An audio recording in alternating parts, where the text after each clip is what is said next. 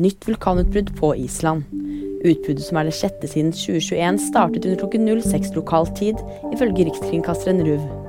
Torsdag formiddag er det foreløpig uklart om bebyggelsen står i fare for å bli truffet. Bildrapsmann slipper forvaring.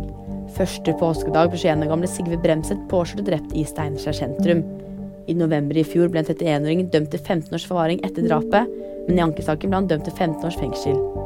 I tillegg til drapet ble han dømt for to drapsforsøk på to ungdommer som holdt på å bli truffet av bilen. Ekstremkulde i Innlandet.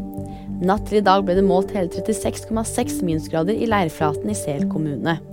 De var dermed et av de tre kaldeste stedene i hele landet natt til torsdag. Det skriver Gudbrandsdølen Dagningen. Meteorologene melder nå om mildere temperaturer ved hele landet i dagene som kommer. Nyheter finner du alltid på VG.